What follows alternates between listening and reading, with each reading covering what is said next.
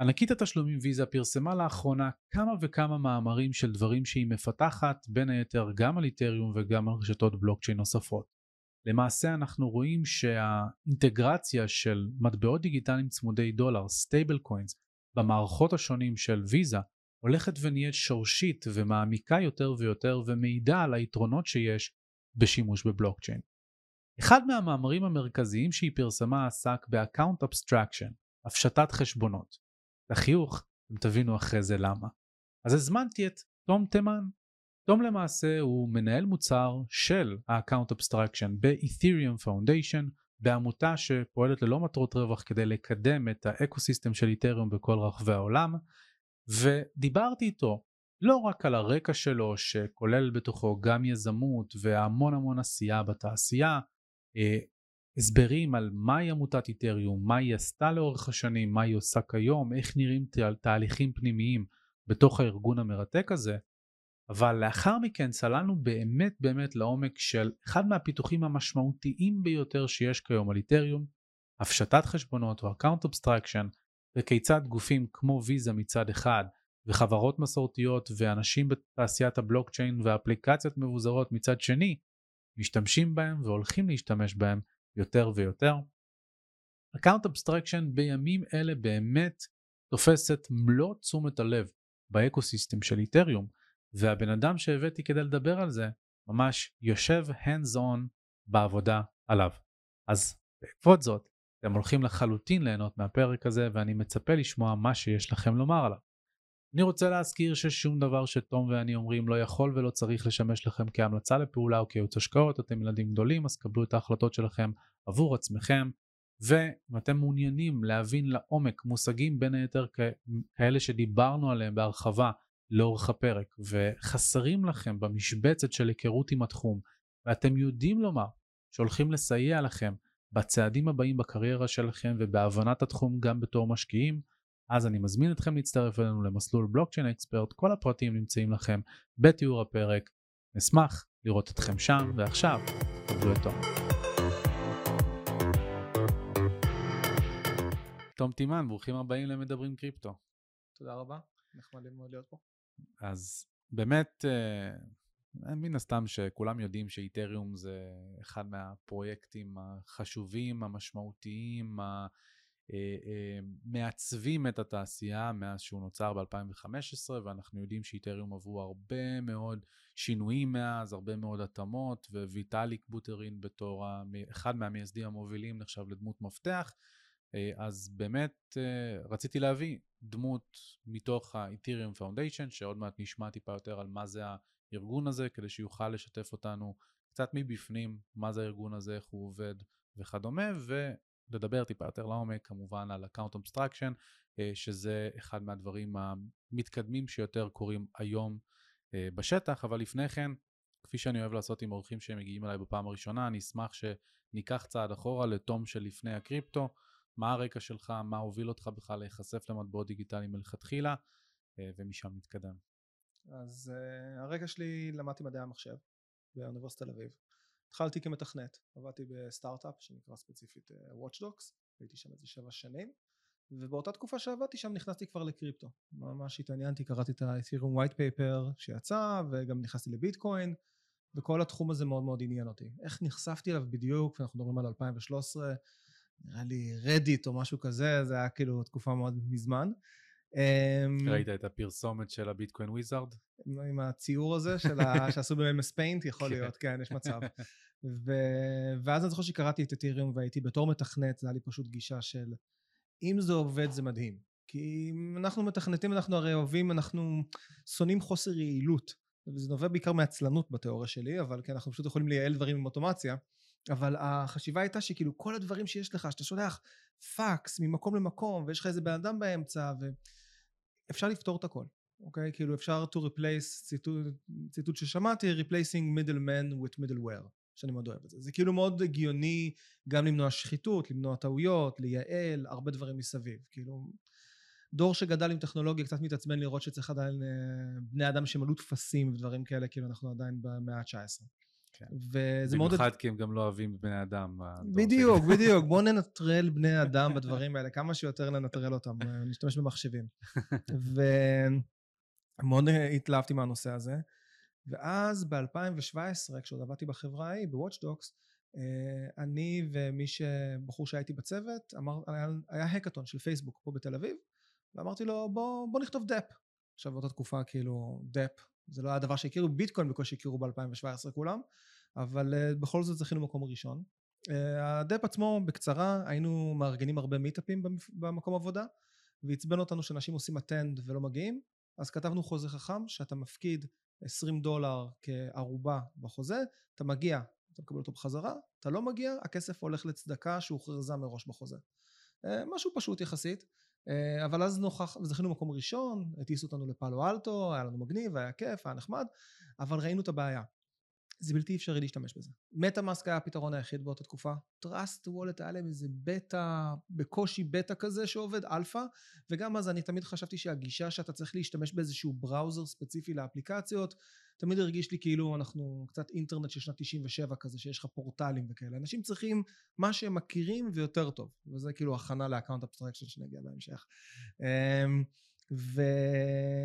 אז uh, בתור מתכנתים אמרנו בוא ניתן גישה של פתרון שהוא style uh, יותר כמו סטרייפ כזה, SDK למפתחים. לא לצפות שה user יתקין איזשהו extension ויבין מה זה private keys וילך לקוינביס ויקנה ויעביר ל public address של המטאמאסק שלו ואת כל ה... ויבין מה זה gas fees וכל זה. אמרנו אנחנו צריכים להעלים את זה מה user ולתת פתרון פשוט.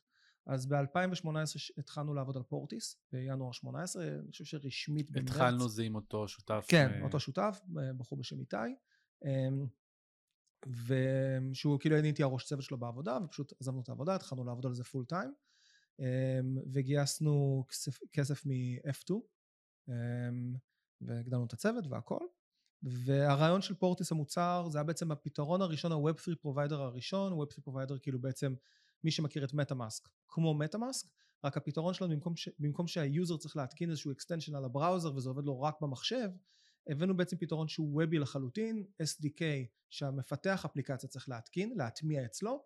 מבחינת התכנות זה שורת קוד זה היה מאוד פשוט אבל אז ה user מקבל חוויה שהוא לא מתקין כלום פשוט נכנס אימייל וסיסמה הכל עובד בלי התקנה עשינו גם כאלה המון חיבורים ל fiat on-ramps, כל מיני חברות שהיו בזמנו שכבר לא קיימות כמו ווייר וכאלה, שבעצם אפשרו בקלות עם כרטיס אשראי לקנות. אפילו בתחילת הדרך כדי לפתור את בעיית הגז, היינו עושים לכל user, אה, הוא היה עושה verification עם SMS ומקבל דולר מתנה של אתיריום, שהיום כבר נראה לי שווה איזה חמש או עשר דולר כן. בעלייה של המחיר. אה, בשלב מסוים היינו צריכים לכבות את זה, כי אנשים מאוד יצירתיים בלמצוא איך לעשות לזה abuse. אבל uh, זה היה מטרה להוכיח כאן proof of concept שאם אני דואג שאין התעסקות עם private keys אין התעסקות עם גז האם יוזרים ישתמשו באפליקציות? ובאמת ראינו אפליקציות מתחילות לקום. עכשיו שוב 2018 כנראה אפליקציות שהקדימו את זמנן אבל בכל זאת זה הראה שזה אפשרי. uh, איך שעשינו דרך אגב את זה זה עדיין היינו self custodial כאילו או non custodial תלוי איך אתה רוצה לקרוא לזה. כלומר אנחנו לא החזקנו מפתחות פרטיים. הכל היה על המכשיר של ה user ועם הצפנה מקצה לקצה, מאוד דומה לאיך של LastPass או 1Password עובדים, במובן mm-hmm. שהכל מוצפן אצלך, אתה מביא לי את מה שמוצפן, אני שומר את זה בענן, ככה שיש לך חוויה נוחה שזה עובד מהטלפון, עובד מהמחשב, הכל מסונכרן, אבל אין לי גישה לסיסמאות שלך. כמובן שאם איבדת את הסיסמה שלך ולא שמרת את ה seed phrase, אז התגובה של ה support שלנו הייתה פשוט כאילו משיכה בכתפיים ו... sorry, with great power comes great responsibility. Um, וזהו, אז הקמנו בעצם את פורטיס. Uh, 2019, סוף 2019, אחרי ה crypto winter, עברנו קצת משבר, היה קשה לגייס כספים, השוק כולו היה במצב קצת קשה, במיוחד לארנקים, כי ה business model שם הוא עדיין קצת אה, קשה בדיוק לזקק אותו, והיינו, נאלצנו לפטר את רוב הצוות, השותף שלי סוג של שם את המפתחות ואמר, אה, נמאס לי מיזמות בכלל ומקריפטו בפרט, וכאילו נהייתי בן לילה גם CTO, כלומר כל ה stack, לפני זה הייתי מנכ"ל, לא, לא נגעתי בקוד, פתאום הכל, מרמת ה front-end, back-end, DevOps, הכל כאילו אני. גם אה, באותה תקופה אשתי הייתה בהיריון חודש שביעי, היה תקופה שמחה, אה, כן, וזה אנחנו מדברים על סוף 2019, נובמבר, דצמבר 19, ובאפריל 20 ShapeShift קנו את פורטיס, הם היו אחת האפליקציות הגדולות שהשתמשו בנו, וממש איך שהקורונה פרצה, הם קנו אותנו. שאגב, בדיעבד זה היה מדהים שיצאה הקורונה. כאילו, side note, באותה תקופה, הרי החברה כולה באמריקה, ובמקום שאני נהיה עכשיו המעצבן הזה שכל הזמן אומר לכולם, טוב, נו חבר'ה, בואו נעשה את זה בזום, אל תדברו רק במטבחון בלעדיי, פתאום כולם עובדים remote, כולם באותה סירה. כן. אז יצא לי תזמון במקרה מדהים, שכולם פתאום עובדים מהבית. אמ, וזהו, ShapeShift לקחו את המוצר של פורטיס, ובעצם לקחו המון ממנו לארנק החדש שהם שחררו, הארנק של ShapeShift. אה, היה להם תוכניות לגבי הטמעה של פורטיס עצמה, אלא לכל ה dapps שהיינו מוטמעים בהם, באותה תקופה היינו באמת בכל אפליקציה שהייתה גדולה, אם זה Uniswap, אם זה OpenSea, באמת היית רואה את הלוגו של פורטיס pretty much בכל מקום, אבל uh, אז ShapeShift כמו שאתה יודע התחילו ללכת לכיוון הזה של להתבזר, וכבר פורטיס פחות התאימה שם הכיוון, וככה בעצם התגלגלתי לאתיריום פאונדיישן, שזה היה בתחילת השנה, מאוד. בינואר השנה. מגניב מאוד, חתיכת דרך, אה, כיף לראות את זה שוב, באמת, אה, במיוחד שאתה ואני רק הכרנו לאחרונה ו- ולא נפגשנו אה, לאורך השנים. הגענו לאיתריום Foundation, אז אני אשמח שתיתן איזשהו background למה זה האיתריום Foundation, מבחינתי גם רקע היסטורי, כן, מתי זה הוקם, למה זה הוקם, אה, ואיך בפועל הארגון הזה עובד היום, מה הוא עושה, רזרבות, לא רזרבות, איך זה מתנהל. אוקיי. Okay. Uh, אני יכול לומר גם בערבון מוגבל, כי אני בכל זאת יחסית חדש ב Foundation, אני לא איזה מישהו ותיק שם, אני שם uh, פחות משנה, אז זה על סמך הדברים שאני בינתיים הצלחתי להספיק ללמוד. גם הסיבה שאני לא אהיה super knowledgeable לגבי זה, זה באיזשהו מובן איך שה Foundation עובד. הוא, יש איזו מילה לזה שאני לא זוכר אותה, אבל בסופו של דבר היא מדברת על זה שהארגון הוא מאוד מבוזר באיך שהוא עובד. Uh, זה לא שאין הנהגה, יש leadership ויש קבוצה מצומצמת של אנשים שיותר מנווטים את הספינה ואני חושב שזה נכון. אני לא חושב שארגון ואנחנו רואים את זה עם דאוז שמתלוננים קצת שארגון לא יכול להיות מבוזר לגמרי. אתה צריך לפעמים אנשים שיגידו לא חבר'ה זאת ההחלטה בוא נדבר על זה בוא הכל אבל מישהו צריך קצת לדעת למשוך את הספינה לכיוון מסוים. אבל החלוקה פנימית הוא מחולק לאיזה כמה צוותים מאוד גדולים נקרא לזה. אה, חלק מתעסקים בגרנטים לפרויקטים חלק מתעסקים בענייני security וריסרצ' סליחה ועובדים בצורה שנגיד אני ביום יום שלי עובד 99% מהזמן עם הצוות שלי, עם כמה חבר'ה שעובדים על account abstraction. עכשיו נגיד אנחנו עומדים לארגן ב-Dev שקורה באיסטנבול בנובמבר, בנובמבר השנה, אנחנו מארגנים שם כנס של account abstraction. אז יוצא לי לדבר עם שלושה ארבעה אנשים שקשורים לארגון של כנסים, אני אדבר עם איזה מישהו שהוא דיזיינר שיעשה לנו קצת יעזור לי עם באנרים, דברים כאלה, אז יש לי את הריסורסס שאני צריך.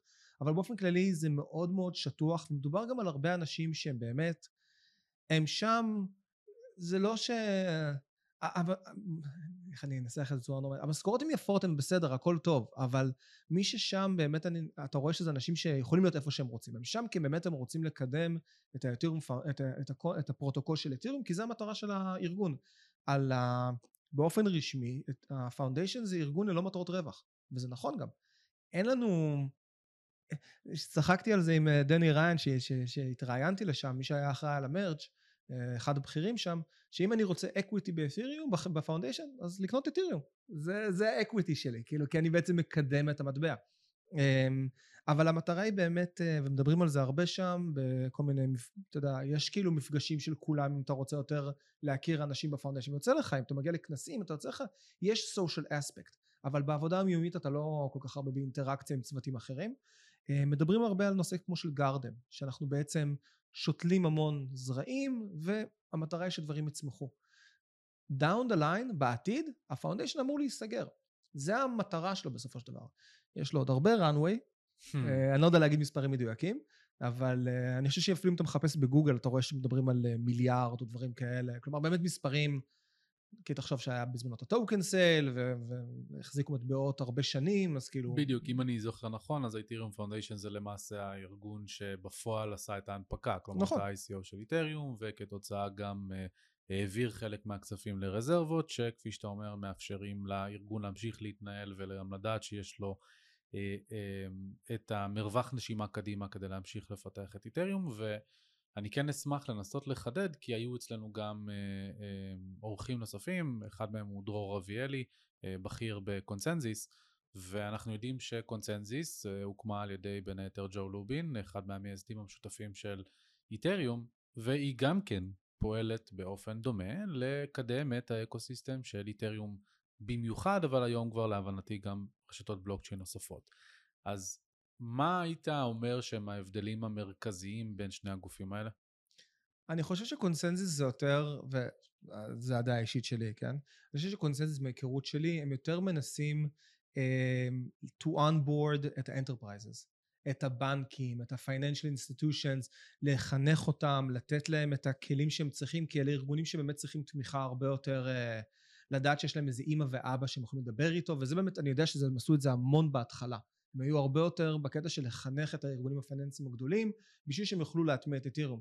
ה foundation, עכשיו לדוג... סתם לסבר את האוזן, עכשיו בדיוק אנחנו, איך שאני יוצא מפה אנחנו מעלים את הטוויט, אנחנו מפרסמים סוף כל סוף, לקח קצת זמן, אה, חילקנו קרוב לחצי מיליון דולר ל-18 צוותים שונים שבונים דברים על אתיריום ופה אנחנו מדברים על פרויקטים open source ים, מישהו שעושה דברים עם zero knowledge על account abstraction בשביל שאפשר שצוותים יוכלו נגיד לנהל חשבון משותף בלי לחשוף מי זה מי או משהו שקשור למודולריות של account abstraction אני יכול לתת לך דוגמאות להמון המון פרויקטים אבל זה הרבה יותר לקדם דווקא את ה, מה שנקרא את ה-Developer Ecosystem כלומר את ה... אמ, את הפרויקטים ה open source, את ה tooling ל dApps, infrastructure, דברים בסגנון. כלומר, זה הרבה יותר להכווין ל product עצמו שהוא אתיריום, לקדם אותו. לעומת שאני רואה את ConsenSys בתור, הם גם בונים דברים, אבל אני רואה אותם כל הזמן מוכוונים בשביל שאפשר יהיה אה, להביא את הארגונים הגדולים ואת mm. כל ה... את ה-JP Morgan של העולם שישתמשו באתיריום. בסדר גמור. כן, נראה, נראה לי שה... התפיסה שלי כלפי ConsenSys היא כמובן שזה יותר הארגון שרוצה למנטז את איתריום ואומנם יש באמת את הזווית האנטרפרייזית שהיא ככל הנראה היותר מוניטיזציה מבחינה כלכלית כי, כי לבנקים הגדולים לגופים הפיננסיים האלה יש הרבה יותר כסף לשים על השולחן אבל מהצד השני עם פתרונות כמו MetaMask שהוא של ConsenSys אז אני משער שגם הם אה, כן שואפים למנטז במרכאות את הלקוח הקצה של MetaMask את המשתמש הקצה אה, אני הם חברה פרטית אז אנחנו לא יודעים להגיד מספרים אבל אני משער שבהינתן ה user base של MetaMask הם גם כנראה עושים את זה. אמ, כן נכון אתה צודק זה לא רק enterprise ים אני אסייג אבל נכון אני, אבל אני מרגיש שה foundation פחות אה, לא לגמרי לא מסתכל על ה enterprises ועל הארגונים הגדולים אני חושב, אני חושב שהדגש שלו אבל הוא יותר על ה, ה, ה, ממש הפרוטוקול עצמו. הקוד, על מה שרץ, נו, איך זה נקרא? block builders, ה validators, כל הדברים האלה, לדאוג שהכל, שאשכרה הקוד ירוץ. כן, כן. בדיוק. טוב, בוא ניכנס לחלק המרכזי, כי באמת אה, ויזה לפני כמה חודשים שחררה איזשהו white paper שדי הסעיר אה, לא רק את עולם הקריפטו, את עולם ה payments במכלול, וה paper הזה עסק במונח שנקרא account abstraction, שאם אנחנו עושים לו את התרגום המילולי הישיר לעברית זה הפשטת חשבונות. זה נשמע רע. נשמע מזעזע. אמ, ובפתרון הזה, שאתה תכף תספר עליו, מן הסתם שוויזה רואה, לפחות על בסיס הטרמינולוגיה שהיא בחרה להשתמש בה, ופרקטית גם אה, הקצאות משאבים שהיא מעבירה לשם, היא רואה את עתיד ה payments מגיע משם, או בפוטנציאל שלו. אז הייתי שמח שתיתן קצת איזשהו רקע של למה account abstraction, כלומר מה בכלל הוביל למקום שבו מפתחים את הדבר הזה, אה, ותסביר מה זה account abstraction. אוקיי. Okay. אז account abstraction, אני אתחיל מזה שזה לא משהו שעכשיו חדש. מ-day one, וגם ויטאליק דיבר על זה, account abstraction זה משהו שהוא רצה לעשות, אבל כמו המקרה הקלאסי שכל מי שעבד בחברה יודע, הוא היה חייב לדלבר כבר את אתיריום, וזה היה סוג של, טוב, נסתפק ב-EOA. מה זה EOA? EOA זה מה שכולנו בדרך כלל מכירים, שיש לך במטאמאסק או בכל ארנק אחר שיש לך רגיל, זה ראשי תיבות של externally owned account, וזה משהו מאוד פשוט של מפתח פרטי פומבי, שכאילו קיפר, כל מי שמכיר קריפטוגרפיה הם כאילו הם, הם קשורים אחד לשני באופן אינהרנטי והכתובת שלך נגזרת מהמפתח הפומבי. הרי כולם תמיד אומרים מפתח פומבי אין, אין בעיה לחשוף. אז הכתובת שלך זה כאילו חלק מהמפתח הפומבי שלך. והבעיה בדבר הזה זה שבאיזשהו מקום שאתה חושב על זה המפתח שלך ומה שאתה יכול להגדיר כ account הם מחוברים. אני לפני זה הייתי אולי מדבר על שלושה מונחים שנזרקים כל הזמן. מדברים על wallet מדברים על account מדברים על keys. wallet בעיניי זה הייתי כאילו בשביל לפשט אני דווקא מתייחס לזה בתור איזשהו נטו UX זה אפליקציה. זה אפליקציה שמאפשרת לך לראות את הנכסים שלך לבצע פעולות כמו לשלוח לקבל אינטראקציה עם אפליקציות דברים בסגנון אבל החלק המעניין שיש בה בדרך כלל זה הניהול של המפתח שזה המפתח עצמו המפתח הפרטי המפתחות לצוללת מה שנקרא מה שכאילו הקוד הסודי של הקוד הסודי שלך בדיוק ויש את ה account שה account זה משהו שהוא לפעמים יכול להיות הרבה יותר מתוחכם מזה ובאמצעות דברים כמו חוזים חכמים אתה יכול לעשות שזה באמת יהיה משהו חזק ש... למשל, אתה רוצה להגדיר שמפתח מסוים יכול לעשות רק פעולות מסוימות, מפתח אחר יכול לעשות פעולות אחרות, אתה יכול לדבר רק עם חוזים מסוימים, עם חוזים אחרים, כל מיני דברים בסגנון. אתה יכול לתת איזושהי דוגמה מוחשית מהעולם האמיתי שתעזור להבין את ההבדלים בין ה... כן. אז בעולם באופן כללי, בעולם הקלאסי, וזה אני מרגיש שזה חלק גדול ממה שקורה עם account abstraction, אנחנו, אנחנו משתמשים בדברים שקיימים בעולם של Web 2 כי הם make sense, אוקיי? אין לך היום מפתח אחד שאיתו אתה עושה הכל בעולם הרגיל של Web 2. הרי אתה, יש לך מפתח לבנק ויש לך מפתח למשחק שאתה משחק, אה, שיש לך שם איזה user וסיסמה, שהוא לא אכפת לך אם יקרה לו משהו, אבל אכפת לך מאוד אם יקרה משהו לחשבון של הבנק. אז המונחים שמשתמשים בדרך כלל זה authorization ו-authentication. אוקיי? Okay? authentication זה האם המפתח הזה תקין, כלומר האם הסיסמה שהכנסת נכונה, האם עכשיו ה... אה, יש לך בבית איזה uh, hardware wallet, האם הוא באמת תקין, אוקיי? האם המפתח הזה הוא נכון. זה ה-authentication. authorization מדבר על מה המפתח הזה יכול לעשות. כולנו מכירים את זה, יש לך user, יש לך admin, יש לך member, owner, כל מיני הרשאות שונות שכולנו מכירים, אם זה מ Discord או דברים כאלה, שאתה רוצה לתת להרשאות שונות. הקונספט הזה לא קיים עם EOAs, יש לך one key to rule them all, super admin על הכל, וגם זה כאילו מאוד מאתגר. עכשיו, כן. הבעיה גם באתריום ובביטקוין זה פחות אולי issue. בביטקוין אם אתה קורא לך משהו למפתח, אתה מפחד שאיכשהו הוא נחשף באיזשהו מובן, אז אתה יכול לבוא ולהגיד אוקיי אני מעביר את כל הביטקוין שלי לארנק חדש, אני רגוע. אבל באתיריום זה, זה אנחנו חוזרים פה לקטע של ה account. כי באתיריום מה שקורה זה שהכתובת הזאת שלך עכשיו היא אה, מורשת בחוזה כזה של DAO לחתום בצורה מסוימת, היא מורשת ל-NFTs בחוזה אחר, היא מורשת לכל מיני אפליקציות שונות ומשונות אם אתה עכשיו תעביר את ה... תפתח ארנק חדש, אתה מאבד בעצם את כל ה reputation וההיסטוריה וכל הנושא הזה עם דברים כמו account abstraction שבעצם יוצר הפשטת חשבונות. אני, אני, אני מסרב להגיד את זה שוב אבל עם השכבה הזאת מה זה, מה זה abstraction במחשבים? זה בעצם לייצר איזושהי שכבה שמאפשרת לך לא לעניין אותך איך, איך המימוש עצמו מתחת לפני השטח. אתה, אתה כאילו חושף איזשהו סוג של פונקציונליות מסוימת ואתה אומר עזוב אותי איך זה ממומש אני אומר לך שיש את הפונקציונליות הזאת, אוקיי? והפונקציונליות שאתה נותן היא הרבה יותר מתוחכמת. מה שזה אומר זה גם שאתה נשאר עם אותו חשבון. אז אני למשל עושה אבסטרקציה, הפשטה, לנושא הקטע של המפתחות. זה לא built in בתוך החשבון עצמו, אלא יש פה עוד שכבה באמצע, זאת אומרת, יש לך חשבון, יש לך כתובת של חשבון שעכשיו אתה חושף אותו לעולם, היא לא תשתנה. יש לך, נגיד עכשיו הגדרת מפתח מסוים, אתה מפחד שמפתח הלך נחשף, אתה יכול להחליף אותו בלי לשנות את החשבון כי יצרת את ההפרדה הזאת בין המפתחות לבין החשבון זה לא אינהרנטי שאח אחד mm-hmm. לשני אני לא אכנס ברמה הממש טכנית איך זה עובד כי אני יכול אבל זה כאילו נראה לי קצת לא, לא, זה, מחוץ זה... לסקופ כי עדיין הרשת עובדת על EOAs מה שכן אני כן רוצה לתת באמת איזושהי הגבלה ש, שאולי תנסה לחדד אותה אחרי שאני אתן אותה כדי שהמאזינים יוכלו להבין את זה טיפה יותר לעומק בצורה הכי מופשטת שיש. יש לכם חשבון בנק. חשבון הבנק הוא הארנק שלכם, כי אתם נכנסים אליו ואתם יכולים לצפות ביתרה שיש לכם בעובר ושב, בכל מיני אפליקציות במרכאות, שזה הפקדונות שלכם, החסכונות שלכם, ההשקעות שלכם בבנק, דברים כאלה, פיצ'רים כאלה ואחרים. אתם יכולים כמובן לשלוח ולקבל כסף. אה, והמפתח הוא בעצם הסיסמה שלכם לבנק, ובמקרה הזה זה custodian, אתם נשענים פה על צד שלישי ולכן אין לכם פה איזושהי בעלות פרטית. איפה שה account נכנס למשוואה זה בעניינים של לצורך העניין מורשי חתימה.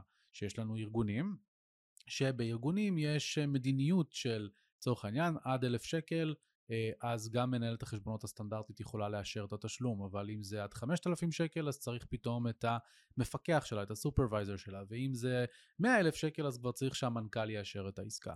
אז זה מסוג אמ, הכלים שאפשר כבר להטמיע באמצעות account abstraction בתוך איתריום, בתוך smart contract שלמעשה מנהל את הארנק שלכם, כדי לבצע את ההפרדה הזאת בין ניהול החשבונות, כך שבמקום שהסיסמה שלכם לבנק, במרכאות, תנהל את הכל, תוכלו לעשות הפרדה בין הפיצ'רים המורכבים, המתוחכמים, המעניינים, כאלה שגם מדברים עם DeFi ו-NFT, עם חסכונות, עם פקדונות, עם אה, אפליקציות פיננסיות, או לא בהכרח, אה, אבל גם כן לשמור את הניהול אה, בצורה מופרדת. כן, זו דוגמה מעולה, ואני אפילו אקח אותה צעד אחד קדימה. במקרה הזה הייתי אומר שהבנק זה גם עוד מישהו שמור... אתה יכול לעשות את זה נגיד עם account abstraction, והבנק הוא עוד מורשה חתימה. עכשיו אתה יכול לעשות את זה, אתה, אין מניעה ממך להגיד אני רוצה שיש לי מפתח שמישהו אחר מחזיק אותו, כי אני לא סומך על עצמי, שאם אני תמיד חייב את החתימה שלו שזה מה שקורה בתכלס מאחורי הקלעים בבנק. יש לך את המפתח שלך עם הסיסמה אבל עדיין גם הבנק חותם מאחורי הקלעים גם כשאתה עושה העברה של אלף שקל לחבר. אז אתה יכול לעשות את אותו דבר אבל וזה העניין הגדול פה שמה שווב 3 נותן it's all about choice אני יכול מתי שאני רוצה להגיד לבנק הזה תקשיב לא סומך עליך יותר לא צריך אותך או להפך אני לא רוצה אותך אני רוצה בנק אחר כי אתה הבנתי שאתה עושה בעיות לאנשים ואני לא אוהב אותך אוקיי אז הקטע שאתה יכול עכשיו להחליט גם אם אתה כן רוצה עזרה, אם אתה לא רוצה עזרה וממי אתה רוצה עזרה, אתה לא מוגבל בצורה הזאת. אז כאילו זה, זה, זה גם חלק שהוא מאוד חשוב בקטע הזה. עכשיו הדבר הנוסף הוא שההגנות האלה שיש לך, וזה נגיד אנחנו רואים הרבה פעמים בחשבונות MPC. MPC לפעמים נותנים את כל ההגנות האלה, מאפשרים לך להגיד תקשיב. רק תיתן הסבר קצר של מה זה MPC. MPC שומעים זה הרבה, זה נקרא multi party computation יש כל מיני פתרונות שקיימים, אה, יש גם חברות ישראליות כמו זנגו ויש עוד כל מיני אחרים. פיירבלוקס, כן. פיירבלוקס. שמה זה, אתה מקבל היגיון דומה למה שאתה אומר שמאפשר לי, בעצם זה מפתח שמחולק לשלוש אפשר להגיד, הרבה נגיד אתה מחזיק שתיים והארגון מחזיק, ומי שאתה עובד איתו מחזיק אחד, אבל אפשר לעשות פתרונות הרבה יותר מתוחכמים, אפשר לעשות שלוש מחמש, שבע מתשע, מה שאתה רוצה, והרבה פעמים השירות MPC יגיד לך תקשיב אני יכול גם להוסיף לך כל מיני הגנות. אם אתה מעביר ככה וככה וככה אני אחסום את זה ואני אדרוש עוד מפתח או דברים בסגנון. הבעיה בפתרון הזה וזה לכל מי שבאמת הארדקור אתיריום זה centralized כלומר אתה יכול פתאום להיות מצונזר אתה פתאום יכול להיות אה, אה, יש פה single point of failure וכו' כאן ההגנות שאני מדבר עליהן של בשביל לדבר עם החוזה הזה לסכומים כאלה צריך את המפתח הזה ואולי גם את המפתח הזה ואולי גם את המפתח הזה וכל מיני סכמות שונות של הגנות שאתה רוצה לייצר הכל enforced on chain בצורה מבוזרת עם account abstraction וזה חלק מאוד חשוב. זה גם עוד נקודה שאני רוצה לחדד account abstraction והתחלתי מזה קיים לא מהיום אמ, account abstraction כרגע יש לך כל מיני פתרונות בשוק של אחרים של account abstraction שהם לא ERC 4337 החיסרון שלהם שהם בדרך כלל כן centralized במובן של הטרנזקציות שלך שאתה חותם עדיין צריכות לעבור דרך איזשהו רילאייר, אה, איך אומרים רילאייר בעברית? שדר, אה, ממסר, ממסר, ממסר, כי עדיין הרשת עובדת עם EOAs. אז הוא בעצם, הטרנזקציה שלך היא בעצם כתובה באיזה כזה נקרא מטה טרנזקציה, ובעצם זה עוטפת את זה טרנזקציה רגילה שאותה כן הרילר משדר. כן. ERC 4337 מאפשר לעשות את הדבר הזה בצורה שיש לך רשת של ריליירס מבוזרת, כל נושא האינסנטיביזציה של האינסנטיביזציה של התמריצים, אה, תמריצים, מנגנוני התמריצים, איך לדאוג שבאמת ישתלם להם להריץ את הרשת ואיך גם מונע הגנות, אתה לא רוצה ליצור מצב שפתאום אפשר לעשות כל מיני DDoS לרשת או דברים בסגנון או griefing לכל מיני שחקנים ברשת, אז זה החלק היותר מורכב והמתוחכם של הרשת אבל זה חלק חשוב כי זה אומר שזה עדיין רץ בצורה מבוזרת unstoppable, uncensorable וזה משהו שהוא מאוד חשוב כן. ב ecosystem שלנו. אני רק uh, אתן איזושהי uh, הבהרה ש-ERC 4337 זה כמובן השם היותר טכנולוגי במרכאות להצעת שיפור הפרוטוקול שנמצאת כאן על הפרק כדי להטמיע את השדרוג הטכנולוגי של uh, account abstraction כאשר יש uh, את ERC 20 לצורך העניין שזה הנפוץ ביותר להנפקת טוקנים על איתריום יש uh, um, ERCs נוספים שמיועדים ל-NFTs ולדברים נוספים, אז פה יש uh, בקשה לשינוי הפרוטוקול שהיא 4337. אני רוצה לחדד שם משהו, אם אפשר. יש גם EIP, אנשים מכירים EIP ואנשים מכירים ERC ולא תמיד אנשים סליחה, סטנדרט, נכון. לא, לא, לא, אז זהו, אז, אז ה-ERC ו-EIP, ההבדל ביניהם זה ש-EIP זה מה שנקרא hard fork, זה EIP זה, או מי שמכיר מעולם התוכנה הסטנדרטי, breaking changes, או backwards compatibility בסופו של דבר מה שזה אומר EAP זה שינוי שהחל מנקודה מסוימת או שאתה מאמץ את השינוי הזה או שאתה עושה לעצמך איזה ethereum classic 2 משלך כי ככה אנחנו מתקדמים דוגמה לזה זה נגיד המרג' שהיה לא מזמן או EAP 1559 שמאוד ייצב את מחירי הגז אלה דברים שכאילו בשלב מסוים אתה חייב לאמץ אותם, או שאתה בעצם מתפצל מהרשת ואי אפשר. ERC, כמו ERC20 שכולם מכירים, זה יותר כמו סטנדרט. אף אחד לא מאלץ אותך להשתמש ב-ERC20, אבל היות ולכולנו יש סטנדרט שכולנו מסכימים מה זה אומר token, או non-fungible token במקרה של NFT, אה, זה עוזר לכל ה...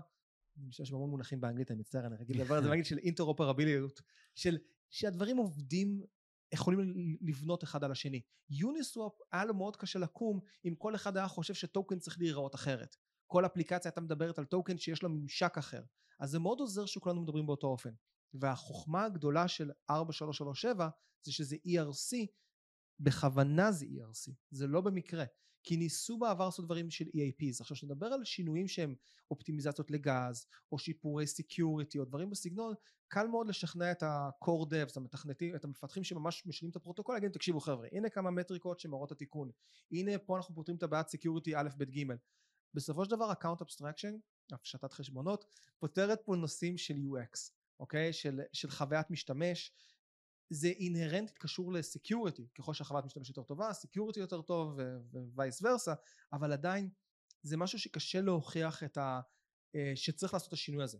אז אנחנו כאילו מכניסים את זה בדלת האחורית. על ידי זה שאנחנו עושים את זה עם ERC 4337 ולמי שבאמת מתעניין האופן שבו עושים את זה זה שיש עכשיו ממפול נוסף כמו שאתה, שאתה שולח טרנזקציה, שאתה חותם על טרנזקציה, היא נשלחת למה שנקרא ממפול, וכל המיינרים מה שנקרא הם בעצם כל הזמן מסתכלים על הבריכה הזאת של הטרנזקציות שולפים כמה ומכניסים אותם לבלוק הבא עכשיו בעצם יש בריכה נוספת חדשה כזאת ששם רצים הטרנזקציות האלה של, של הפשטת חשבונות שהם קצת יותר זה כמו טרנזקציה רגילה עם כן. עוד כמה פרמטרים ובשיטה הזאת אנחנו בעצם יכולים לעשות את השינוי הזה בלי לעשות כאן hard fork אבל וזה קצת נוגע ב roadmap לעתיד התכנון הוא שכן זה בסופו של דבר יהיה חלק מהפרוטוקול אוקיי? וכבר עובדים על זה. אוקיי. אין ספק רק ש... רציתי לחדד את ההבדל בין ה-ARC ל-AP. טוב מאוד, טוב מאוד שעשית את זה, אין ספק שהדרך הנכונה היא האיטית הבטוחה יותר, אה, הזאת שגם לא אה, כופה על אנשים אה, להטמיע שינויים. אה, אני כן אעשה איזשהו פלאג אה, שיווקי קטן של כל, המרק, כל המונחים הטכנולוגיים שדוברו כאן, בין אם זה MPC ו-EIP ו-ERC ו-Hard Forking, לכולם אנחנו צוללים באמת לעומק בעולמות, במסלול של בלוקצ'יין אקספרט שבמסגרתו אנחנו מכשירים אנשים מהתעשייה כדי שידעו לדבר בשפה הזאת, בפיתוח העסקי, בשיווק, בכל ההיבטים של מה שהם עושים בתעשייה. בואו נדבר על use cases. כי באמת התחלנו מזה שוויזה היא אחד מה... אה, אה, נקרא לזה, אני לא, לא רוצה להגיד עמוד תווך, אבל אחד מהגופים המשמעותיים שבא והכיר ב-ERC 4337 ב account abstract, בהפשטת חשבונות. בתור... אני מקבל צמרמור. בתור משהו מאוד מאוד חשוב. אה, מה ויזה עושה? למה היא רואה בזה בתור value? מה היא רוצה לעשות עם זה? איך זה יעזור לה בתור רשת תשלומים להביא את זה ללקוח הקצה? אז אני עכשיו אאתגר אותך עם מונח חדש לתרגם אותו. יש חלק נוסף מאוד חשוב בנושא הזה של הפשטת חשבונות שנקרא Paymaster. Paymaster, הייתי אה, מתרגם את זה בצורה מופשטת. אדון, אדון, אדון, אדון התשלומים, אבל לדעתי היום בגלל ה PC אסור להגיד יותר master, לא, שינו את זה גם ב GitHub. נכון, כן. אוי ואבוי לך. אה, פויה. אני, כן, זה, ככה אנחנו עושים שינויים בעולם עם המילים האלה, אבל לא משנה. אה, כן, אז הרעיון של Paymaster הוא, הצוות דרך אגב, side note, כל מי שעובד על 4337 ב foundation, הם כולם ישראלים. סתם כזה, אנחנו נקראים כזה ב... affectionately known as the 4337 Israeli Mafia. שהצטרפתי גם, יצא נחמד שהצטרפתי לצוות שהם ישראלים, הכרתי את הצוות מלפני, הצוות שהקים את זה... אשמח שתרים להם. כן, תן. אז מדובר כמובן על יואב וייס, דרור תירוש, שחף נחסון ואלכס פורשטט. הם לפני זה הקימו את הגז סטיישן נטוורק למי שמכיר בעצם הם באו לפתור את בעיית תשלומי הגז שמישהו אחר יוכל לממן לך את התשלום של הגז של העלויות רשת של הטרנזקשן פיז באופן מבוזר אוקיי? היו פתרונות שקיימים בצורה שאתה פשוט שולח את הטרנזקציה למישהו אחר והוא מצליח לעשות את ההלבשה ולשדר אותה. אני, אבל... אני כן. אכנס כן. לתת כאן הסבר קצר למי שלא מכיר סלאש זוכר כשאתם מחזיקים בטוקנים על איתריום ואתם רוצים להעביר לצורך העניין USDT או USDC אחד לשני או, או לבצע פעולה כלשהי ביוניסוואפ בין טוקנים שהם לא איתריום או מטבעות שהם לא איתריום אז אתם עדיין חייבים להחזיק באיתר כדי לבצע את העסקה, כדי לשלם את הגז. אז מה שתום מתאר כאן זה איך לנסות למצוא פתרונות עקיפים או בקרוב ישירים, כדי שמישהו אחר ישלם על הגז עבורכם ולא תהיו חייבים להחזיק אה, אה, איתר אצלכם בארנק. כן. אז הצוות שדיברתי עליו באמת הקים את הגז סטיישן נטוורק, והם אחר כך, יצ... הם, הם בעצם ה-authors של ERC 4337, וחלק מהאבסטרקציה שאנחנו עושים זה לא רק לנושא המפתחות הפרטיים, אלא דבר נוסף שעושים לו הפשטה, זה נושא תשלומי הגז. אוקיי? שאינהרנטית בתוך איך שהפרוטוקול הזה עובד, אתה יכול כשאתה כותב, כשאתה חותם עכשיו על, על טרנזקציה, אתה יכול להגיד, זה ה Paymaster שלי, למשל ויזה. עכשיו, הייתי מחלק את הפיימאסטרים לשני סוגים בגדול. ה Paymaster בסופו של דבר זה חוזה חכם. חוזה חכם לכל דבר, שהטרנזקציה בחלק מה... נקרא לזה המחזור חיים שלה, היא עוברת דרך החוזה הזה ועושה שם איזושהי בדיקה. אני מאוד מפשט את זה אבל כאילו למטרת ההסבר. ו... יש שני דרכים לעשות Paymaster ואת שניהם ויזה, ויזה הוציאה מאמר על כל אחד מהם דרך אחת זה Paymaster קצת יותר מתוחכם שהכל on chain בצורה שלמשל אני יכול להגיד כחלק מהטרנזקציה אם יש לי נגיד עכשיו 100 USDC בחשבון ואני רוצה להעביר למישהו 50 אז כשהחמישים כשהטרנזקציה תעבור ה Paymaster יסתכל להגיד תקשיב אני לוקח ממך עכשיו עוד שתי דולר כי זה כמה שעולה כרגע עלויות גז ברשת אני אשלם את האתריום, אני זה שמחזיק אתריום ומתעסק בלהחזיק את המטבע ה native של הרשת, אתה רק צריך להחזיק USDC, אתה לא צריך להכיר שום דבר אחר. אגב, זה לא חייב להיות רק USDC, יכול אולי לעבוד עם כל טוקן שהוא מוכן לקבל, ועם זה אתה תשלם לי את הגז. אני כמובן לוקח איזושהי עמלה בדרך, צריך, כי יש לי פה גם את הסיכון שאני לוקח על הפלוקטואציה של המחיר וכל הנושא הזה, וגם אני צריך to make a living, אבל אתה משלם מבחינתך רק USDC, אתה לא צריך להכיר מה זה אתריום, והכל קורה on chain. אני יש לי oracles ואני מבין מה המחירים כרגע וככה אני עושה את זה. עכשיו כמובן זה ה bread and butter של ויזה הם עושים את זה כל הזמן עם foreign exchange הם מאוד יודעים טוב מאוד לעשות את ההמרות האלה בצורה שהם ירוויחו מזה כסף. בגלל זה זה מאוד עניין אותם. הם נכנסו ספציפית לנושא ה Paymaster. הם כתבו שני פיימאסטרים משל עצמם.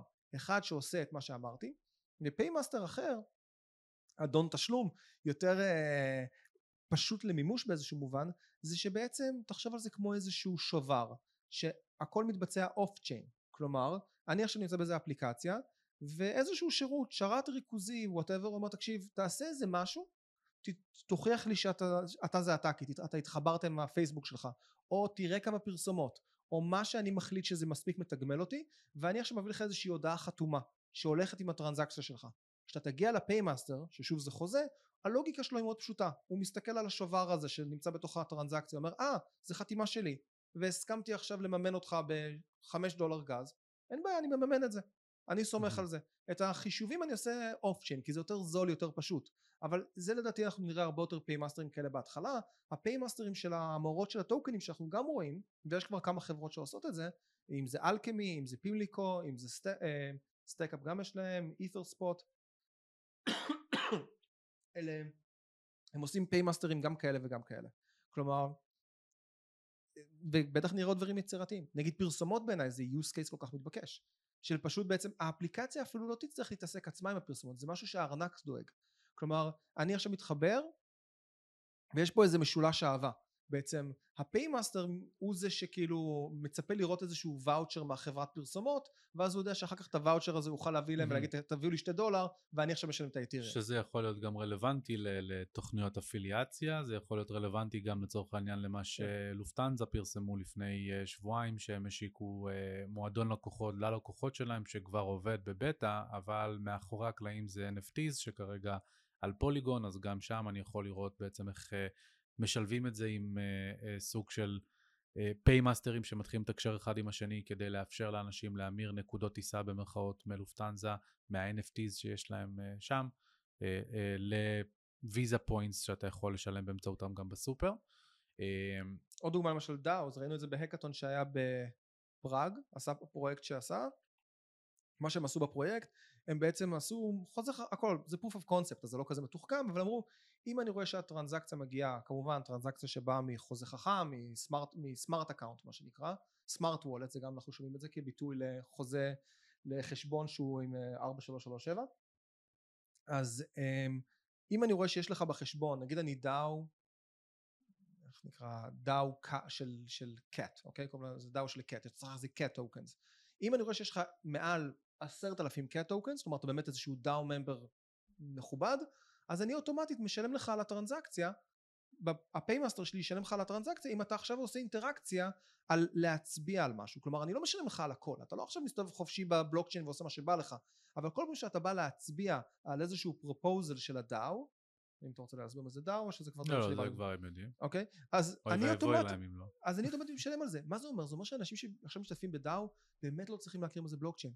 מבחינת ההתחברות שלהם, ואנחנו, זה חלק מהדברים שהבאנו להם עכשיו grantים שציינתי מקודם, אה, אפשרות לנהל את המפתח הפרטי שלך באמצעות Face ID או fingerprint, כמו שזה כל מה שאתה מכיר. אתה לא רואה seed phrase, או באמצעות כל מיני social logins או כל מיני דברים בסגנון.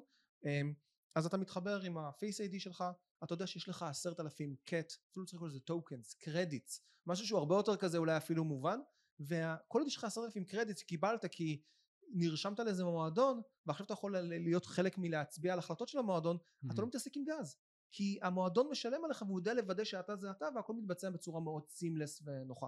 חד משמעית. מרתק, באמת מרתק. שני, אה, אה, שתי שאלות נוספות שאני רוצה לשאול אותך. אה, אחד זה איפה זה עומד היום, זאת אומרת אה, זה כבר implemented, כבר משתמשים בזה, כאילו מה, מתי אנחנו בתור משתמשי הקצה הולכים להתחיל להרגיש את זה. אה, והדבר השני זה איפה הצדדים השליליים, מה אנחנו לא לוקחים בחשבון או מה אנחנו צריכים להסתכל עליו בתור סימני אזהרה. אז uh, אני אענה קצת בצורה מתחכמת על השאלה הראשונה, אני אגיד שאנחנו באמת נצליח שלא תרגיש את זה, כלומר שבאמת לא תהיה מודע לזה. אה, אנחנו כל הזמן רואים דברים קורים. אה, האם כבר ראינו את ה, מה שנקרא את ה... איך אומרים בעברית? watershed moment, כאילו את, ה, את הרגע המפנה הגדול שבו כבר יש לנו איזה, את ה, המקבילה לאימייל שגרם לפריצה של האינטרנט? נראה לי שלא. אני תמיד טוען, אנשים שואלים אותי תמיד כזה, מה יהיה ה killer app? אני אוהב להגיד שיש מצב שכבר היה killer app, פשוט ה ecosystem עוד לא היה מספיק בשל בשבילו. אה, אתן לך דוגמה נגיד למשהו שעכשיו נתנו לו גרנט, שזכה בהקאטון בטוקיו. אה, ביפן למעלה מ... אה, כמה, כמה זה היה? 100 מיליון איש? או 10 מיליון איש? לא רוצה להגיד סתם, אבל כאילו ל-70% מהאוכלוסייה שם יש אה, תעודת זהות חכמה שיש בתוכה NFC שאתה יכול פשוט להצמיד לטלפון וה-NFC הזה מאפשר לך לחתום על דברים. תחשוב על שזה נהיה בעצם ההארדוור וולט שלך. כל מה שאתה חותם על טרנזקציה אתה צריך לשלוף רק את תעודת זהות, מצמיד לטלפון, חתמת. זה כל הממשק שאתה מכיר כמשתמש. אתה לא מכיר שום דבר אחר. מבחינתך זה כמו להשתמש באובר. אתה לא אתה רק יודע שאתה צריך גם את התעודת זהות כי יש פה משהו מתוחכם יותר. כן. עכשיו מה קורה אם אתה מאבד את זה? אתה כן בוחר לסמוך על הממשלה כי הממשלה יודעת להגיד אה המפתח הפרטי הקודם הזה שהיה ששייך למשה עכשיו המפתח הפרטי החדש שהנפקתי להם גם שייך למשה. אבל כמו שאמרתי מקודם it's all about choice. זה עדיין ה account שלך. ואתה יכול להגיד אוקיי אני לא רוצה יותר להשתמש בתעודת זהות הממשלתית שלי בתור החותם הראשי או אני כן רוצה רק אם איבדתי את המפתח המסוים הזה ועבר X זמן אז אני לא, אני לא מפחד שעשו לי משהו אתה יכול להכניס המון המון לוגיקות שונות ומשונות אבל אתה שומר את אותה זהות mm-hmm. כלומר אם המפתח הלך אתה יכול לעשות מפתח חדש וכלום לא השתנה כלפי כן. חוץ. אז... החלק של הממשלה נשמע קצת דיסטופי אבל... אבל זה, אבל אני, אני, it's all about choice. אם אני חייב להשתמש בממשלה, אז זה בעיה. אבל אם אני יכול להחליט שזה מה שנוח לי, אני לא חושב שזה בהכרח בעייתי. זה הדעה שלי, אני לא כזה מקסימליסט לגבי, decentralization צריך להיות תמיד אופציה, הוא לא אה, חייב להיות רק האופציה אה, היחידה. אז אני, אני אדקור את זה, שוב, זה לא המטרה שלי כן. להיכנס לזה כאן לעומק, לא, אבל אני כן אדקור את זה בנקודה שבאופן אישי היא כואבת אצלי, אבל התו הירוק. אוקיי. הכריחו אותך או לא הכריחו אותך? זה היה matter of choice או זה לא היה matter of choice? אה, אני אטען שזה לא היה matter of choice, שבעצם כפו על האוכלוסייה, וכתוצאה, למרות שזה הגיע מהממשלה ולכאורה לטובת uh, בריאות הציבור, uh, היו לזה השלכות, היו לזה משמעויות על חופש, על, על דברים שאנחנו כולנו רוצים שיהיה לנו בדמוקרטיה. אז לכן מכאן עצם זה שקיימת האפשרות שהממשלה תהיה בעמדת כוח שהיא יכולה גם לכפות את זה, זה מה שהרבה יותר מטריד. אבל זה כנראה יבוא לידי ביטוי אבל... לא על את'ריום אלא על CBDC אז אין טעם להיכנס כן, לזה. כן, אני גם אומר שזה כאילו בסופו של דבר הכל תלוי באיזה account אתה משתמש. אם אתה משתמש באקאונט שהממשלה אומרת לך תקשיב אתה חייב להשתמש ב account הזה אז זה לא משנה כלום, כאילו זה לא משנה איך אתה רוצה, אבל אם אני בוחר, בוחר את ה account שלי, אני יכול להגיד תקשיבו, אני רוצה שיהיה פה את ה plugin של שימוש בממשלה, ב, ב, ב, ב, אתה יודע, ב government ID הזה, אבל אני יכול לעשות לזה סייקל אאוט כי אני בחרתי את ה account. אם יכפו עליי account מסוים שבו אני לא יכול לשלוט בכלום, אז, אז זאת, זאת בעיה, אני מסכים, כי אז פה אין ביזוריות, אוקיי? Mm-hmm. זה, זה, זה, אין לי פה choice. כל עוד יש לי את הצ'וייס, אני לא רואה בעיה להשתמש במשהו ריכוזי, כל עוד אני יכול להחליט לוותר, להפסיק להשתמש בו. אבל ה- ה- אם אני אחזור רגע לשאלה המקורית שלך של איפה אנחנו רואים את זה, אז אנחנו רואים את זה בזה שהאפליקציות מתחילות להיות הרבה יותר user friendly. אנחנו רואים כל מיני דברים שקמו, היה את CyberConnect, איזה אפליקציה שעכשיו קצת התפוצצה, ש... בהתאם אלה דברים שקצת מרגישים טיפה לא רוצה להגיד CryptoKitties, לא sketchים בהכרח, אבל לא בהכרח כאלה מעניינים, כמו נגיד היה עכשיו את הדבר הזה של שכל אחד אה, בטוויטר יש לו כאילו בעצם מניות שמייצגות אותו, שמעת על זה? זה משהו friend.tech. friend.tech. הם גם שעושים... שזה אדפטציה של BitClout ושל עוד אה, ניסיונות דומים ליצור אה, משהו דומה. וזה לא דברים בתכלס כאלה מעניינים. הם לא, הם מאפשרים לאנשים אולי לעשות כל מיני pump and dumps וכאלה, זה לא באמת מעניין. אבל גם CryptoKitties היה צעד בדרך ל-NFTs. כלומר אנחנו ה playground הזה שאנחנו רואים אותו עכשיו קורה הוא מאוד מאוד חשוב והוא פתאום אפשרי. פתאום אנשים יכולים לייצר אפליקציות שהן הרבה יותר user uh, friendly שאין פה התעסקות עם private key אין פה התעסקות עם התשלומי גז. mm-hmm. הכל כאילו נהיה יש לך גם עוד דברים שנותן לך אה, הפשטת חשבונות כן? למשל קטע שאתה יכול לעשות transaction uh, batchים יש uh, חבר'ה שנקראים פיקניק שנתנו להם עכשיו גם grant הם בעצם מאפשרים מספקים איזשהו API open source שאתה אומר אני רוצה עכשיו לעשות המרה ממטבע א' למטבע ב' היום אתה צריך לעשות איזה שלוש ארבע טרנזקציות נפרדות.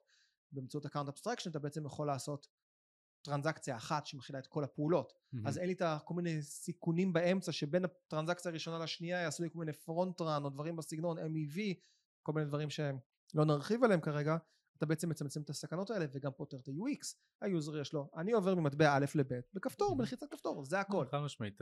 תראה שוב בחזרה גם לקונטקסט של ויזה אה, אה, אני באמת חושב שהתהליכים שקורים עם ויזה למרות שמן הסתם יש לי את הביקורת אה, הפנימית כלפי התעשייה על זה שאנחנו רוצים ליצור את אפשרות הבחירה אבל ממהרים לאמץ את אותו דבר שמגיע אלינו אבל בוטום ליין לביזנס מודל שלהם אה, אני לא יודע לומר לך כמה ויזה היום מורידה אצל בנקים בתור עמלות על העסקאות שהיא מבצעת, כי הרי בסופו של דבר היא משמשת בתור מידלמן, היא לא מחזיקה כספים של לקוחות, אה, ועכשיו היא בעצם יכולה לבטל מידלמן לחלוטין פה. אה, היא בעצם לא צריכה לקיים יותר אינטראקציה עם בנקים, מן הסתם שפסט פורוורד כמה שנים, זה, זה יהיה המצב. אז הפלוס פה ל business model שלהם ולמה ש PayPal עושים עם ה stablecoin שלהם הוא מאוד מעניין, כי זה גם שוב, נותן להם אופציות מאוד מעניינות, גם במונחים של account abstraction, לחבר את זה עם deposits, ככה שאתה תוכל לשים כסף ב liquidity pool, ובזמן שאתה רוצה לעשות את הטרנזקציה, לתת את ההרשאות ואת הלוגיקה המתאימות כדי למשוך את זה מהחיסכון שלך, כל מיני היבטים מהסגנון הזה שאני חושב שהם מאוד מאוד מעניינים ל big money, כן? כן? לכסף הגדול שבאמת יכול להניע כאן. בואו נחזור לחלק השני של השאלה, אה, וזה הצדדים הפחות יפים. כי uh, לכל דבר שאנחנו מכירים בתעשייה הזאת יש trade-offים, יש דברים שיכולים להיות מדהימים וטובים וחיוביים ויש גם uh, דברים שיכולים להיות uh, שליליים.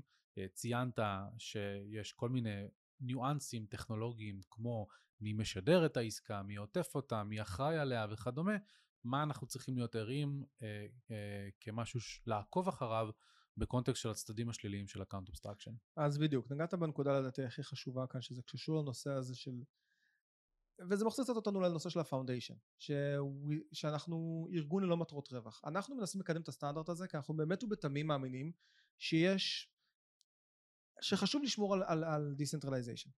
זה מסוג הדברים קצת כמו הגרון שלך.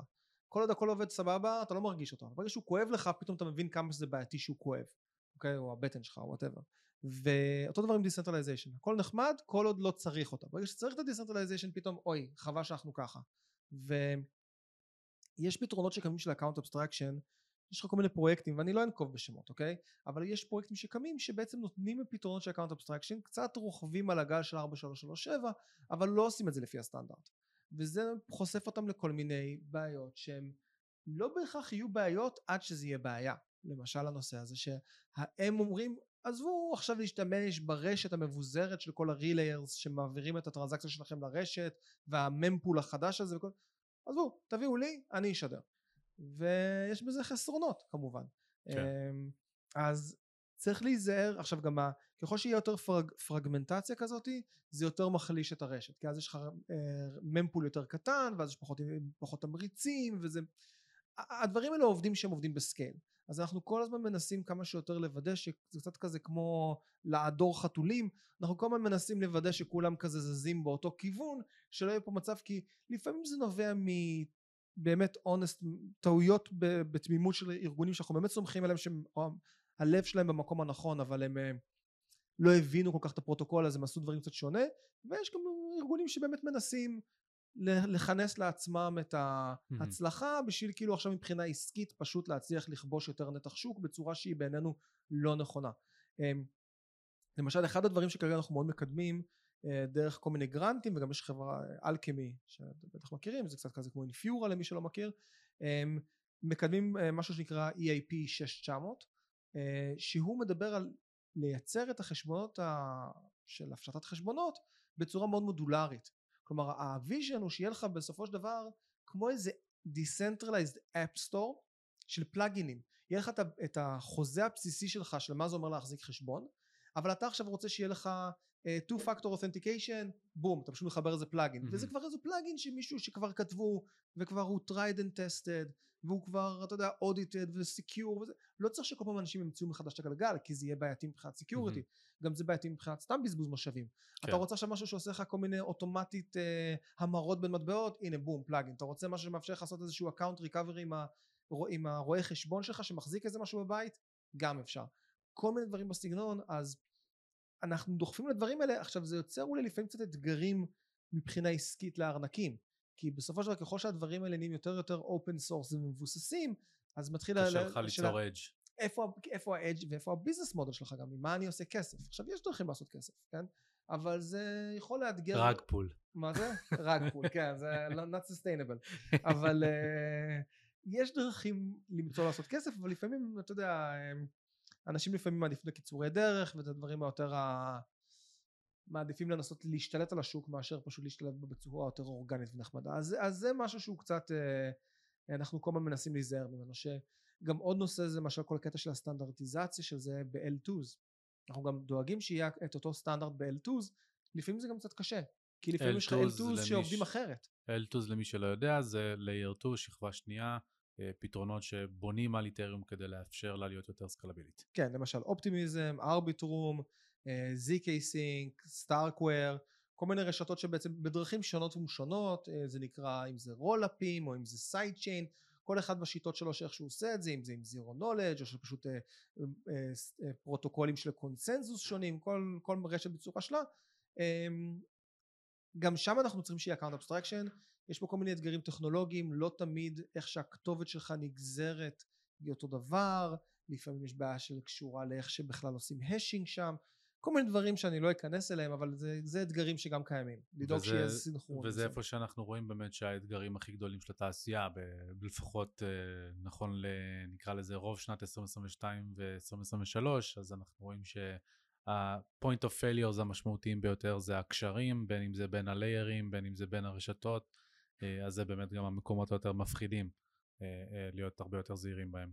כן, וגם יש פה עניינים של, אתה יודע, חצי פוליטיקה, חצי פשוט באופן כללי בעיות של תיאום, coordination, בין ארגונים שונים, עם roadmaps שונים, עם, עם, עם, תמר, עם מטרות שונות ותמריצים שונים, שלא תמיד אפשר לדאוג שהכל יסתנכרן לאותו מקום.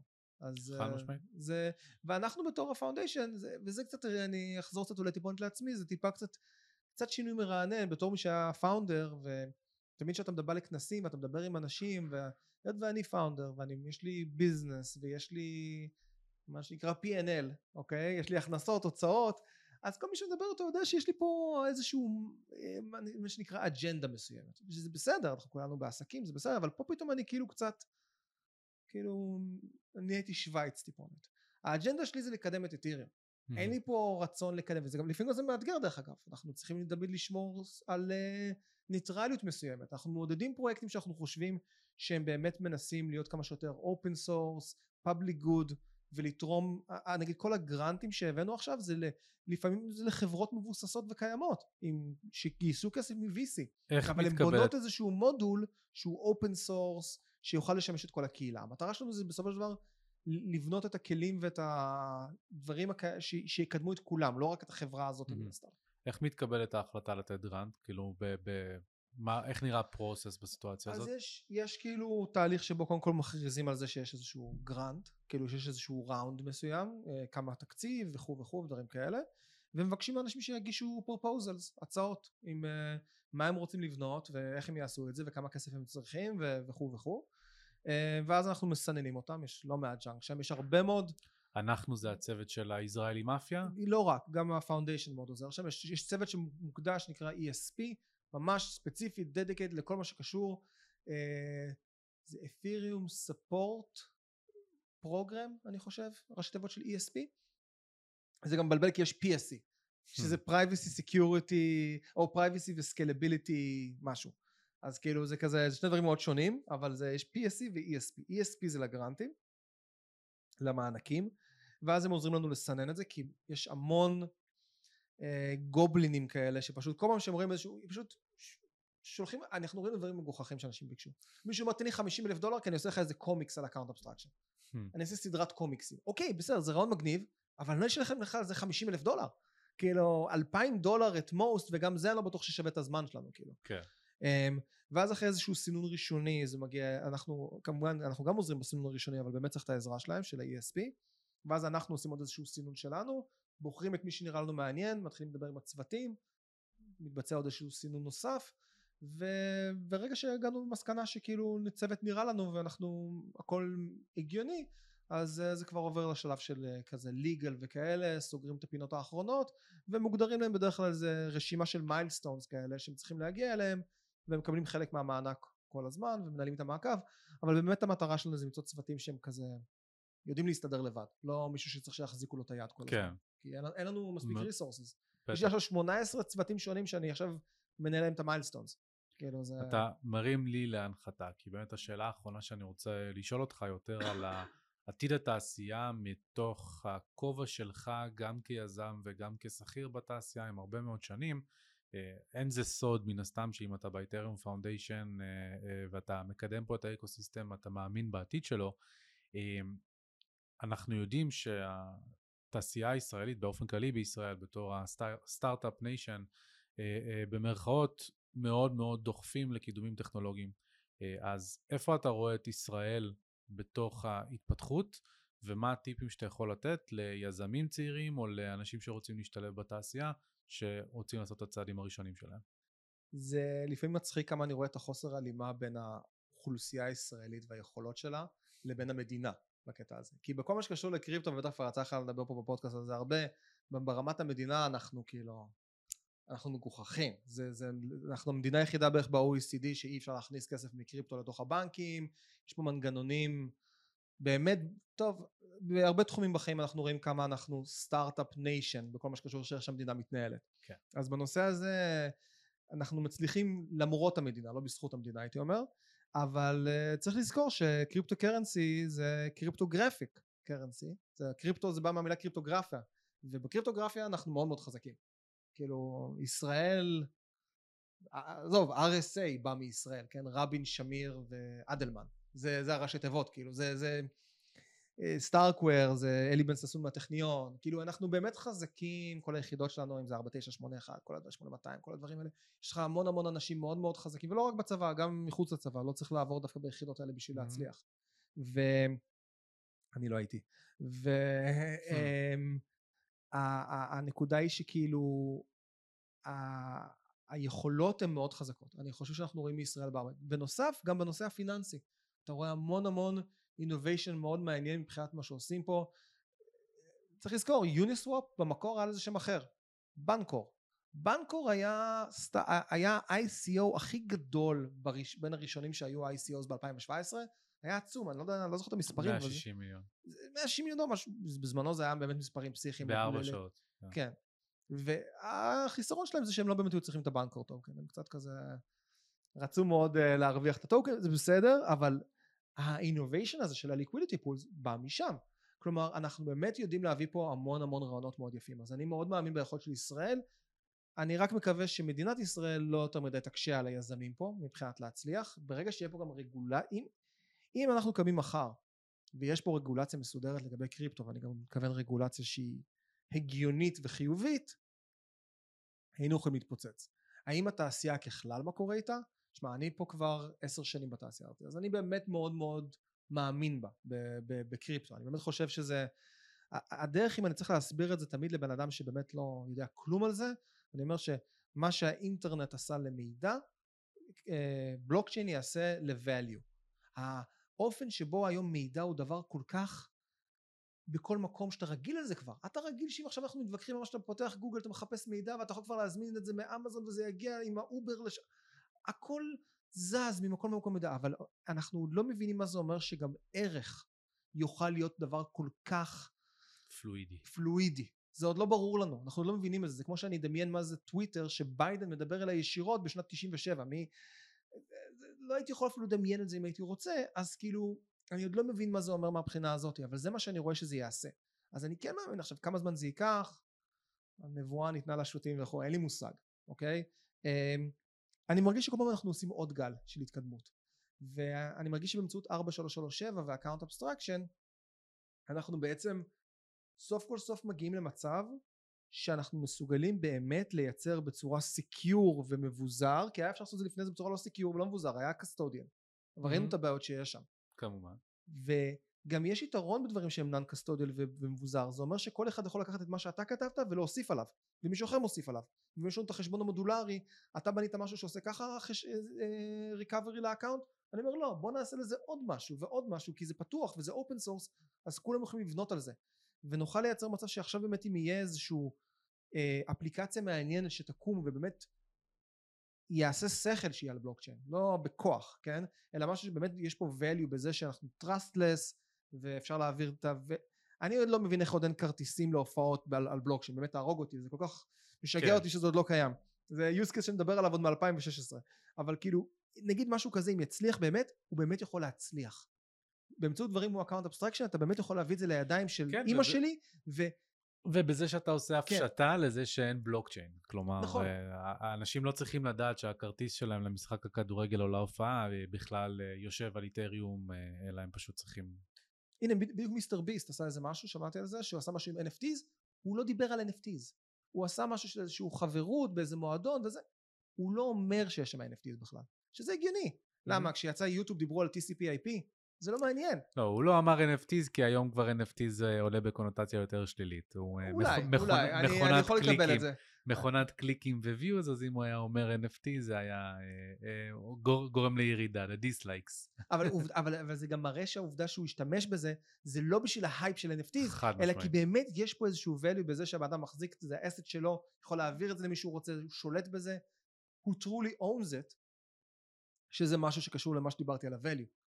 שפתאום יש לי משהו עם ערך ואני חושב שהדור הצעיר הרבה יותר מבין את המשמעות שמשהו דיגיטלי יכול להיות לו ערך כי הוא גדל על סקינים בקאונטר סטרייק וכאלה וזה זה יותר מדבר אליו או באופן כללי הוא לא מרגיש צורך שמשהו יהיה מודפס בשביל שזה יהיה אמיתי כאילו להפך אני לא רוצה מודפס עזוב אותי חבל על העצים וחבל על ה... אחר כך אני ככה אצלם את זה עם הטלפון שלי מה, למה אתה משגע אותי? אז ה... זה דור שגדל וחושב מה זה חתימה עם יד מה זה הדבר המגוחך הזה שאתה חושב עליו היום? שכאילו זה כזה הכל מרגיש מאוד מוזר לדור צעיר אז הוא הרבה יותר מבין את המשמעות שמשהו דיגיטלי יכול באמת valuable וגם אפשר לייצר משהו שהוא דיגיטלי ומצד אחד הוא גם לא ניתן לשכפול באמת כמו NFT כן אני יכול כן. לעשות right click save לתמונה אבל ביטוי יפה ששמעתי על זה זה שאי אפשר לעשות right click save לקומיוניטי וזה חלק מהעניין שיש לך ב-NFTs למשל שמדובר על אמנות. וגם אפשר להדפיס תמונה של המונליזה ולתלות אותה פה על הקיר, אבל זה לא אומר שאתה מעלים של המונליזה. אה, אה, באמת בקונטקסט של הדורות הצעירים, מה שאנשים שוכחים ו- ויש כל מיני רגעים בחיים שאתה מקבל מראה לתוך הפרצוף שלך, ואני לפני איזה, אני יודע, חודש, חודשיים, משהו כזה, קפץ לי איזה סרטון באינסטגרם ש, שזה אימא שמצלמת את הבת שלה ושואלת איך עושים כאילו מישהו רוצה להתקשר אליך. אז הילדה עושה ככה, כי היא מחזיקה לא את הסמארטפון, היא לא עושה ככה. נכון. כי היא לא יודעת בכלל מה זה המכשיר הזה. Mm. אה, אז על אותו משקל, אה, אה, גם אתה, גם אני סבורים שזה הולך להיות בעולמות הבלוקצ'יין. תום, תודה רבה, היה פצצה, היה מהמם. יש משהו נוסף שאתה רוצה להגיד לסיום, איפה אפשר למצוא אותך, אתה מפרסם דברים? אה, מי שיותר מתעניין על 4337 יכול ללכת לאתר erc4337.io יש שם לינקים לכל הדברים לדיסקורד טלגרם כל מה שהוא רוצה לקרוא מאמרים יוטיוב וכן הלאה. אם יש פה מפתחים בקהל שמתכננים להיות בדף קונקט באיסטנבול בנובמבר אז אנחנו עושים אירוע ב-19 בטח עד שזה יתפרסם כבר נפרסם את זה יותר אם מישהו רוצה לחפש אותי בטוויטר אני מניח שזה יהיה מפורסם שם איפשהו בפרטים אבל תום טמאן כמובן שכל הלינקים יהיו בתיאור הפרק. וזהו וכמובן אם יש מישהו שבונה על 4337 בונה משהו ב account abstraction באתיריום ויש לו שאלות ורוצה להתייעץ רוצה לדבר חושב שאולי יש משהו ש make sense ל grant דברו איתי אני אשמח לעזור. מדהים. תודה תום. תודה רבה